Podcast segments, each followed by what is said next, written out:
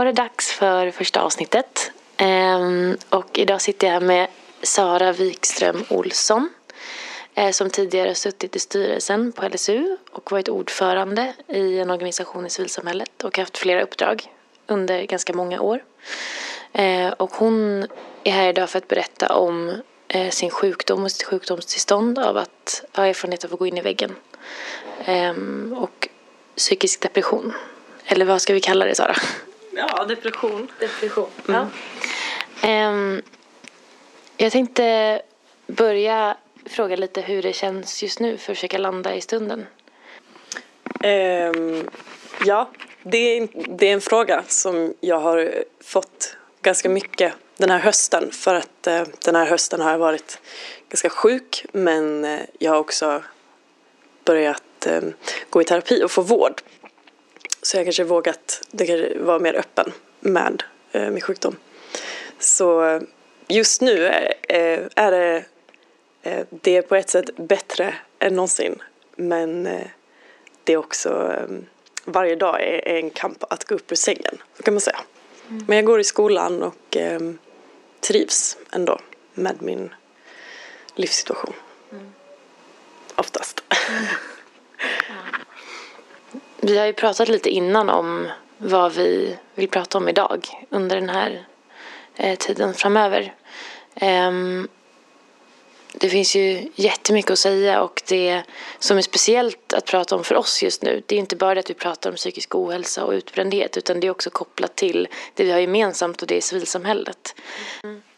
Innan din, liksom, du fick arvodering eller lön eh, i civilsamhället, hur mycket tänker du ungefär att du har lagt, alltså tid som du har lagt på ditt ideella uppdrag? Om du säger varje vecka till exempel. Oj. Alltså, det är gått i perioder, men om man tänker året innan, nästan som vice, då la man ju liksom en halvtidstjänst typ på sitt ideella engagemang i perioder mer. Och sen när jag var arvoderad, jag hade ett eh, väldigt lågt arvode, så jag skulle också säga som att mycket av den tiden var också ideellt, även fast jag hade en inkomst då för mitt ideella engagemang. Fick du jobba samtidigt eh, Nej, som du var arvoderad? Nej, jag behövde inte jobba samtidigt. Eh, men det hade kunnat eh, bli så om jag hade haft eh, sämre ekonomiska förutsättningar när jag gick in i det. Var det under eh, din tid som ordförande i Fältbiologerna som du började din resa mot väggen? Hur ska, vad ska vi liksom började se tecken på att allt inte eh, var så bra? Eh, för mig började det faktiskt innan jag blev ordförande, året innan. Dels av saker som hände liksom personligt mitt privatliv, inte kopplat till mitt engagemang. Men ja, på grund av att dels så jobbade jag jättemycket ideellt och det hände väldigt mycket kul, jag gjorde mycket roliga saker men sen var det vi också mycket konflikter i föreningen och det är ju sånt som är en väldigt hög stressfaktor. Och det här spillde väl också ut över andra grejer i mitt privatliv som gjorde att jag mådde väldigt dåligt privat också. Eh, och sen så där tror jag skapade en slags skadlig norm för vad eh, det innebär att eh, arbeta generellt och vara ideellt engagerad som jag sen bar med mig de kommande två, tre åren liksom och även in på när jag liksom faktiskt var anställd och hade ett riktigt jobb med skälig lön och så. Mm. När du som liksom ordförande eller vice ordförande eller förtroendevald var i eller verkade i organisationer där det fanns mycket konflikter. Vilken roll tog du i det? Svår fråga. Ehm, jag tänker att det är två olika roller. Jag tog ju en roll som styrelseledamot och sen så tar man ju en roll eh, privat utifrån sin personlighetstyp och min personlighetstyp är en sån eh, väldigt känslosam och inkännande och jag blir väldigt berörd när någon tar illa upp eller någon i rummet inte mår bra så att jag tror att jag på ett personligt plan tog åt mig väldigt, väldigt, väldigt mycket av konflikterna och kände att jag förstörde organisationen på olika sätt eller att jag eh, svek människor jag tyckte väldigt mycket om. För att vi hade olika åsikter om föreningen. Men det var bara där det började. Alltså det, det är absolut inte det. Hade det stannat där så tror jag inte jag hade varit där idag. Men sen så alla ställen jag hamnade på. Också när jag var jag har ju varit anställd i civilsamhället också, även om inte det var ungdomsorganisationer. Men även när jag var anställd så fanns det en helt sjuk arbetskultur eh, med tanke på stress och orimliga förväntningar av uppdraget. Mm. Kan du beskriva den arbetskulturen lite mer ingående? Vad som utmärkte den? Oj, det är så mycket. Men eh, dels var det ju ett problem som många arbetsplatser har och organisationer. Att man gör, eh, du har en 100% tjänst men arbetsbeskrivningen är 150%. Så den fanns ju. Och sen eh, har ju de, precis som ungdomssamhället, man har hela tiden en kamp mot ekonomin. Man har inte den budgeten man skulle behöva för att, med, i förhållande till att man vill rädda världen. um, så, men sen fanns det ju faktorer som organisationerna faktiskt kan påverka. Och det är att det finns en väldigt stark eh, tacksamhetskultur. Att så här, men, nu, men du jobbar på ett ställe som eh, faktiskt räddar världen och som eh, folk drömmer om att få jobba på. Så här får du räkna med att ha dålig lön, du får räkna med att eh, jobba gratis, du får räkna med att ingen säger tack för det du gör och att eh, du får räkna med att eh, prestera mer än vad som egentligen förväntas av dig annars tycker vi att du underpresterar. Mm, och sen också såklart där var en faktor att eh, det blir en ond spiral. Några sjuk, blir sjuka och då blir fler sjuka för att de måste eh, täcka upp för de som är sjuka. Mm. Det här är mm, superintressant. Jag tänker att vi kommer komma tillbaka till det. Mm. Um, jag tänkte höra lite mer när liksom, du såg dina egna sjukdomar, eller när upptäckte du att du var sjuk? Um, ja, alltså det finns inget så specifikt tillfälle. För, jag, för mig känns det som att um, jag har varit sjuk i olika omgångar och också tillfrisknat i olika omgångar. Alltså det är mer som att det är olika stadier. Men jag vet att eh, första, alltså mitt första år, i slutet av mitt första år som förbundsordförande, då fick jag, eh, det var faktiskt när jag var med, gick med i eh, LSUs ordförandenätverk och det var en föreläsning av Maktsalongen om stress och hållbart engagemang. Då förstod jag att oj, men den arbetskulturen vi har, den är inte normal. Eller så här, det är inte konstigt att jag inte kan leva upp till den. Det är inte mitt fel. Och det var så otrolig lättnad. Och efter det tror jag att då började jag kanske se verkligheten för vad den var. Och att säga oj, jag eh, leker med elden med liksom eh, med hur jag jobbar. Eller hur hela organisationen jobbar. Mm. Uh, ja. Hur eh, märkte du det på dig själv? Att du leker med elden? Ja men efter det så började jag väl eh, Jag började bli medveten om eh, att jag jobbade nästan, eller liksom att jag hade en förväntan på att jag skulle jobba dygnet runt alla dagar i veckan. Jag gjorde självklart inte det, men jag hade konstant dåligt samvete. Och sen så började jag också märka fysiska symptom som att jag blev mycket hjärtklappning och det stockade upp sig i huvudet när jag blev stressad och jag kunde inte prata och att jag grät ofta och liksom Eh, så. Men eh, när jag började upptäcka det så började jag också anpassa mitt eget arbete bättre och vi började prata mer om det i organisationen. Så att eh, på ett sätt så har det ju blivit bättre sedan dess. Eh, men sen så det, har det hänt andra faktorer som inte jag kan påverka också. Mm. Som gjorde att jag liksom, jag kanske tillfrisknade lite och sen blev jag sjukare. Och, mm. Mm. Hur reagerade du på att tecknen? Var det något du inte ville kännas vid eller var det något du sökte hjälp för tidigt? Både och. Alltså jag, jag minns när jag var ordförande att jag lite räknade med att gå in i väggen. Eller så här, jag var he- hela tiden rädd för den där väggen, att en dag skulle jag bara falla ihop. Men jag var så här, jag orkar inte ta tag i det. Det får hända. Och sen så var det mycket så här, eftersom mitt uppdrag ändå var tidsbegränsat så vet jag att jag jobbade mycket på att liksom jag ska bara härda ut tills det här är över och då får jag vila. Och det hjälpte ju också på ett sätt för jag visste att det fanns ett slut. Men eh, det jag inte visste då var ju att eh, det är inte när du är som mest, alltså stressar och skadar kroppen som mest, det är inte då du får, du, det är då du blir sjuk men det är inte då du får symptomen. Så det gick ju skitbra att köra på sådär länge och så min, var det verkligen så här dagen, samma dag som jag kom hem från årsmötet när jag hade blivit avtackad. Eh, och det var ett jättefint avslut i organisationen så det var inte så att jag mådde dåligt då men att då fick jag åka in på sjukhus.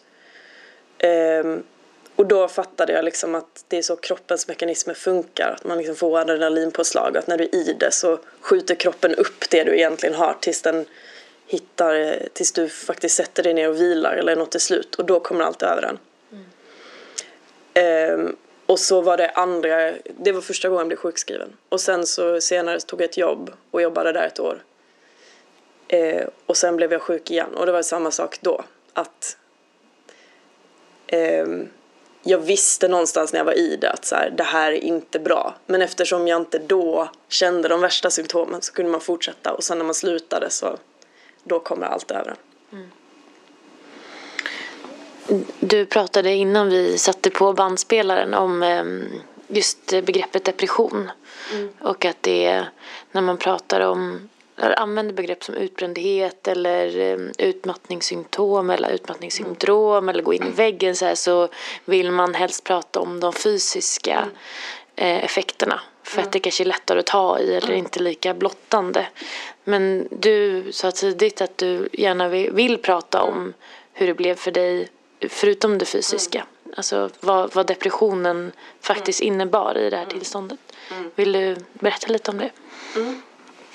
Eh, ja, för att eh, som sagt, när jag då höll på att eh, leka med elden, när jag utsatte mig för eh, ohälsosamma miljöer, så var jag ganska omedveten om, jag hade inte så hög kunskap om depression och jag tror inte jag fattade att det var det man många får när de blir eh, utbrända. Och det är ju helt klart de psykiska eh, symptomen av det som har drabbat mig allra värst. Eh, både nu när jag fått diagnosen depression men också innan.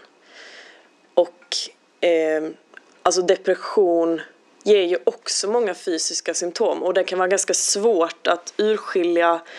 Eh, alltså det är, det är ju två olika Eh, man kan vara utbränd utan att vara deprimerad. Du kan vara deprimerad utan att vara utbränd. Men de har väldigt många liknande syndrom. Eh, men depressionen gör ju att allt i livet blir svårt. Eh, gå upp ur sängen. Varför ska jag gå upp ur sängen överhuvudtaget? Varför ska jag äta? Varför ska jag duscha? Att ta på sig kläder blir ett svårt beslut. Eh, så det är ju ett stort handikapp. Och sen så att eh, man klankar ner på sig själv och känner att man är den sämsta människan i hela världen vissa dagar. Eh, och ja, man skadar sig själv oerhört mycket. Mm. Vilken ehm, typ av hjälp fick du för att handskas med din depression? Eller nu också. Den, den är, finns ju kvar såklart. Det är ingenting som försvinner. Nej, Sådär. Vilket Alltså- får du nu? ja, nu så äter jag eh, antidepressiva och går i terapi.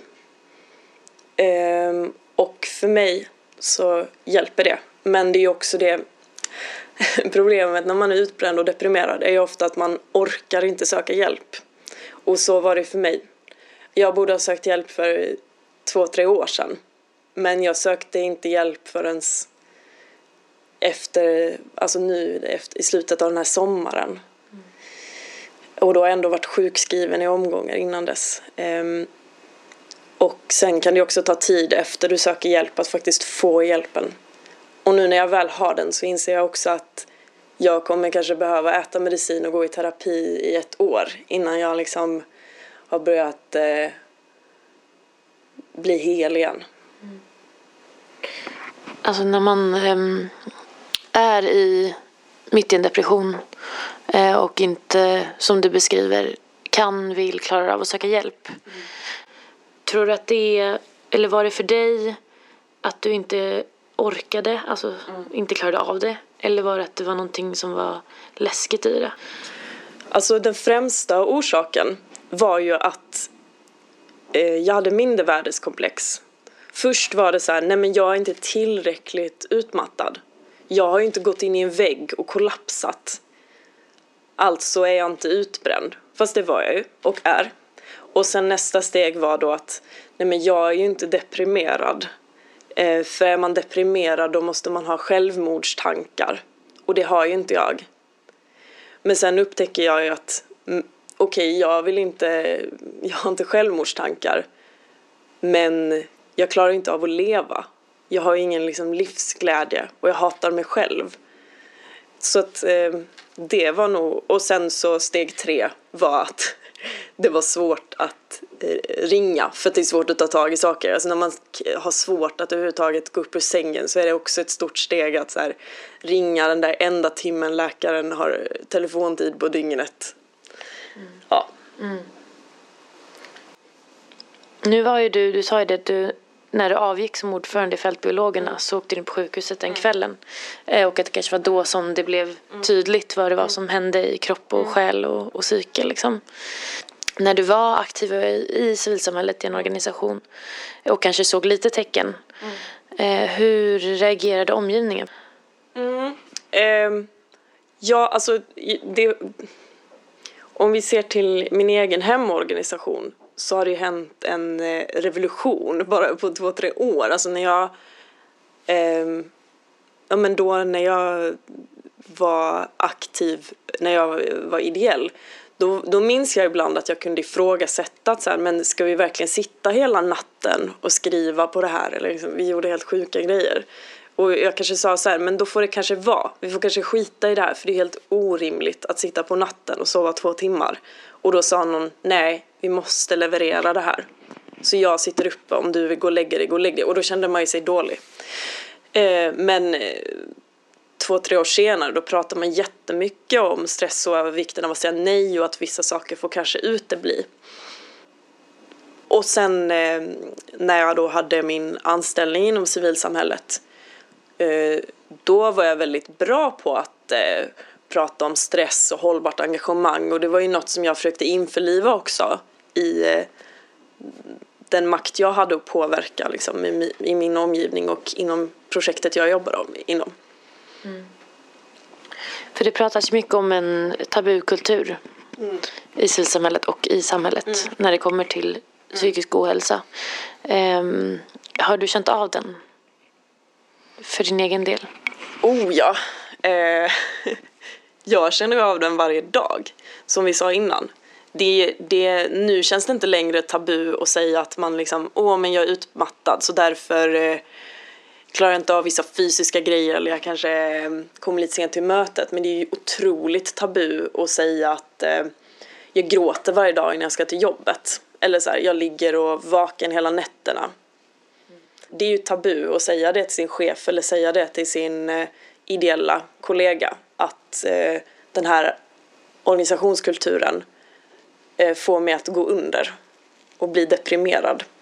Och jag upplever också oss emellan, alltså jag har ju träffat jättemånga som har varit sjukskrivna, långtidssjukskrivna för, för utbrändhet och vi har inte heller pratat emellan varandra när man kommer tillbaks om liksom det stora svarta hålet man har varit i. Att det har jag upplevt att många, de vill bara lämna sig bakom det som att ingenting har hänt.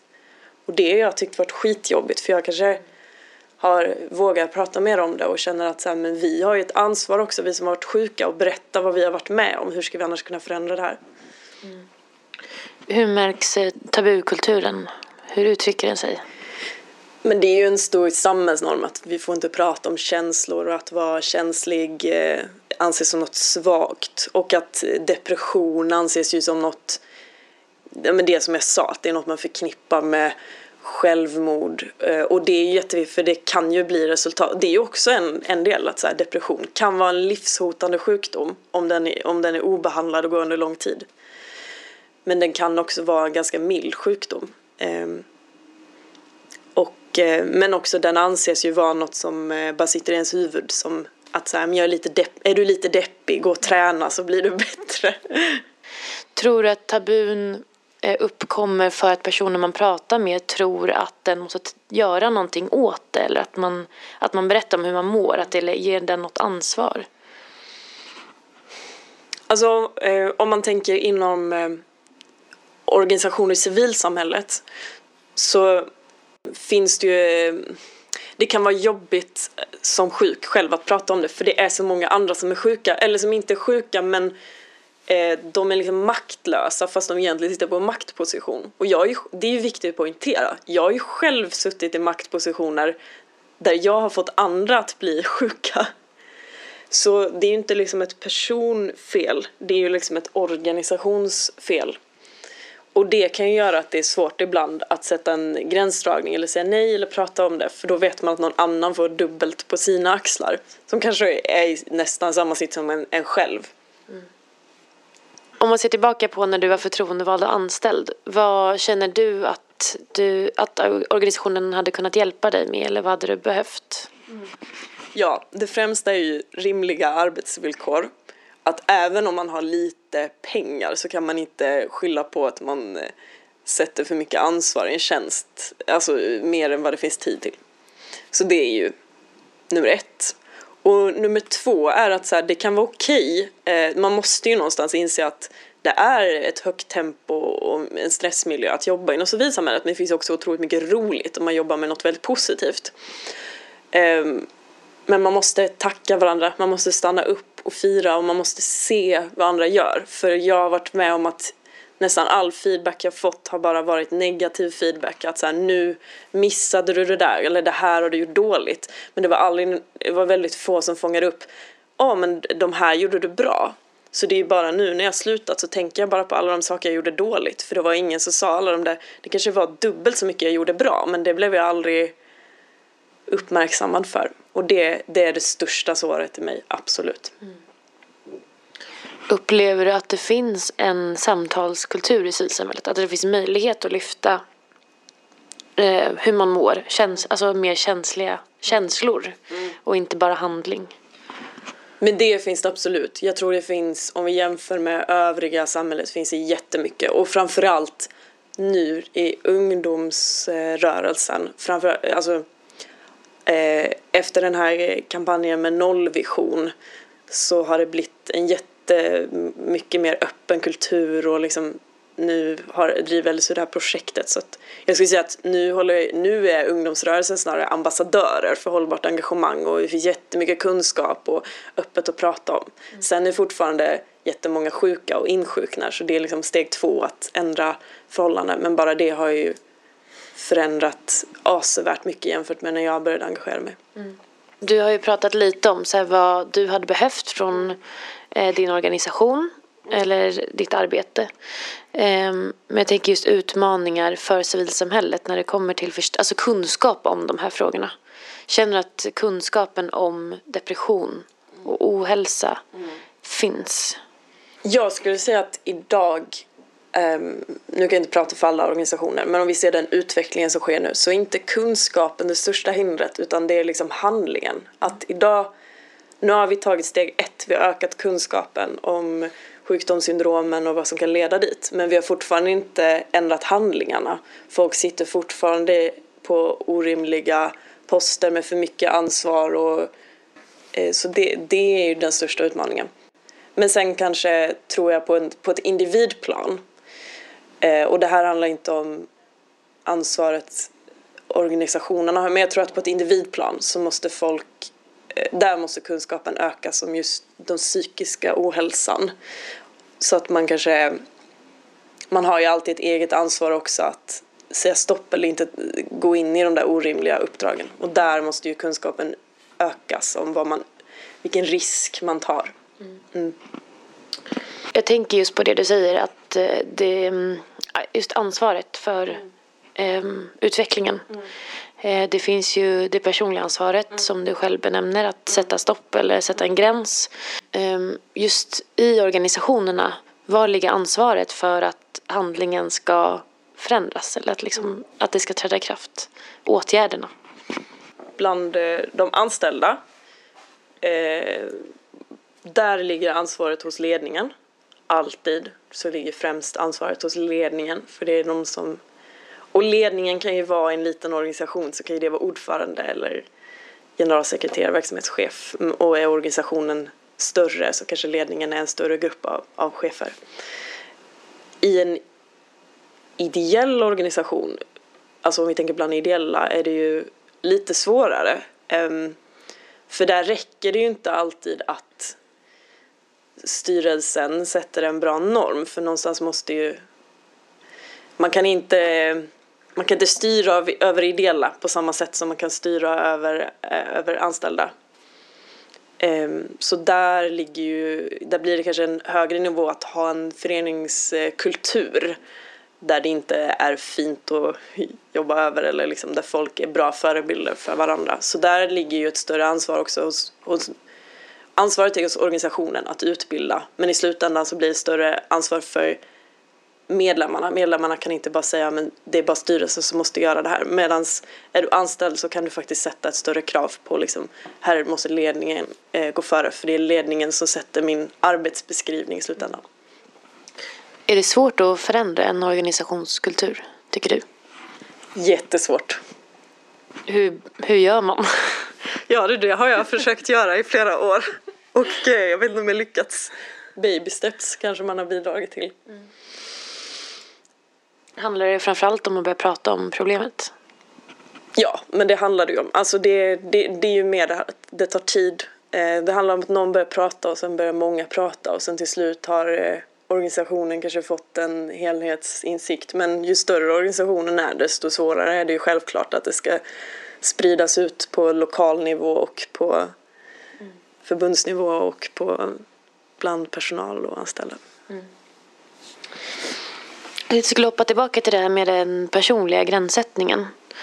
Um, respekteras gränser i det unga civilsamhället?